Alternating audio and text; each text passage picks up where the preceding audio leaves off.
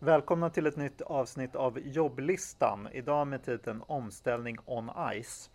Eh, jag heter Mikael Fältbaum, chefredaktör för Arbetsvärlden. Och jag heter Jonna Waltersson och är chefredaktör för Arbetet. Jonna, som gammal konståkare, eh, kan du berätta lite om eh, den här frysningen av LAS Eh, regleringen som Nooshi Dadgostar eh, har uppgett att hon vill ha i er tidning? Ja, for, for the record så körde jag konståkning i kanske två veckor innan jag gav upp, för det var inte för mig. Men eh, vi har intervjuat eh, men då, Vänsterpartiets partiledare Nooshi Dadgostar som vill lägga eh, på is. Hon vill frysa, frysa is fram till, fram till valet. Eh, och det här har ju väckt en del eh, starka känslor. Eh, bland annat då från eh, Kommunals avtalssekreterare eh, Johan Ingelskog som, och nu måste jag läsa till här, han twittrade oroväckande att se hur V gör frågan om arbetarkvinnors trygghet på arbetsmarknaden till en fråga om politiskt spel.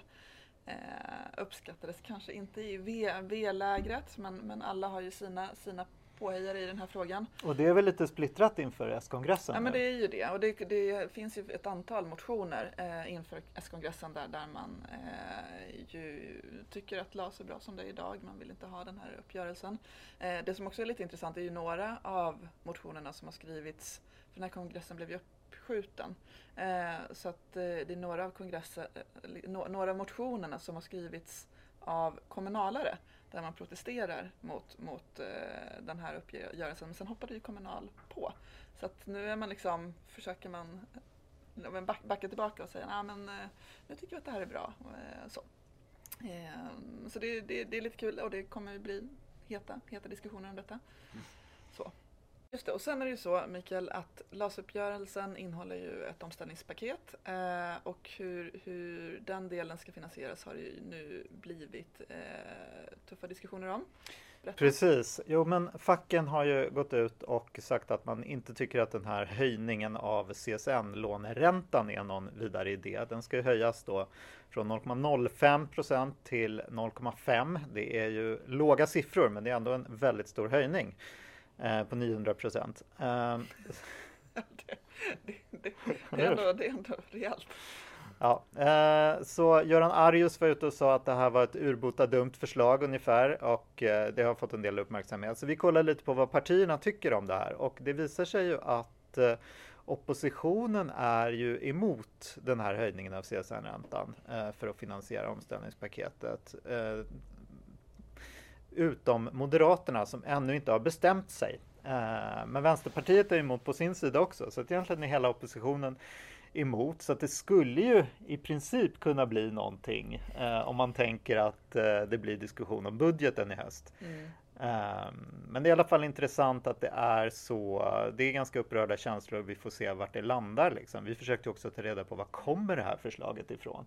Mm, men det låter, um, ja, man, får, man får, ser ju en bild framför sig av att det är en tjänsteman eh, som har tänkt att den är supersmart och liksom verkligen liksom kommit på den ultimata lösningen som liksom inte ska väcka någon kritik, det ska bara liksom, ja, smita igenom. ja men visst, det känns som en liten sån här habrovink från finansen, liksom. ja, någon som precis. har varit smart. Men det kan ju faktiskt vara så att man har tänkt på det här längre tillbaks också. Att mm. det har mm. funnits en idé om att eh, finansieringen av studiestödet skulle kunna stramas upp lite grann. Mm, precis. Fin, finns det, är, det, är det någon som tittar på det här och är tjänsteman på, på Finansdepartementet som, som sitter på en förklaring, då vill vi gärna höra den.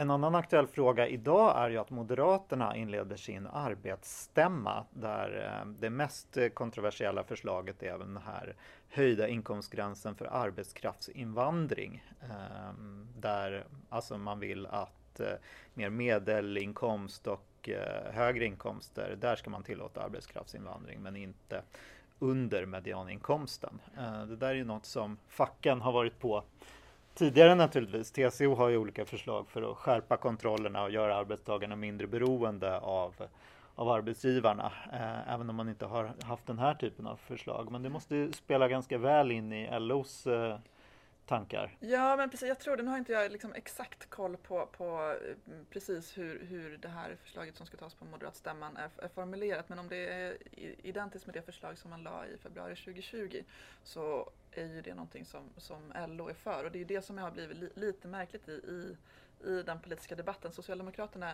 är ju egentligen också för en mer reglerad arbetskraftsinvandring. Men i och med januariavtalet som nu är överspelat men som man väl ändå håller fast vid så, så har man ju ja, men också lagt den frågan på is och, och eh, vill inte reglera det här hårdare just nu.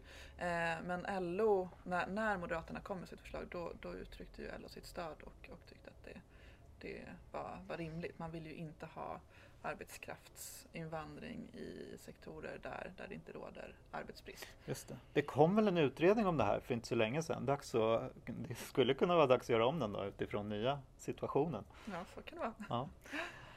Hörni, jag tror att det var allt som vi hade för den här gången. Vi är mm. tillbaka igen om två veckor. Ha det så bra tills dess. Ja, ha det så bra. Hej då.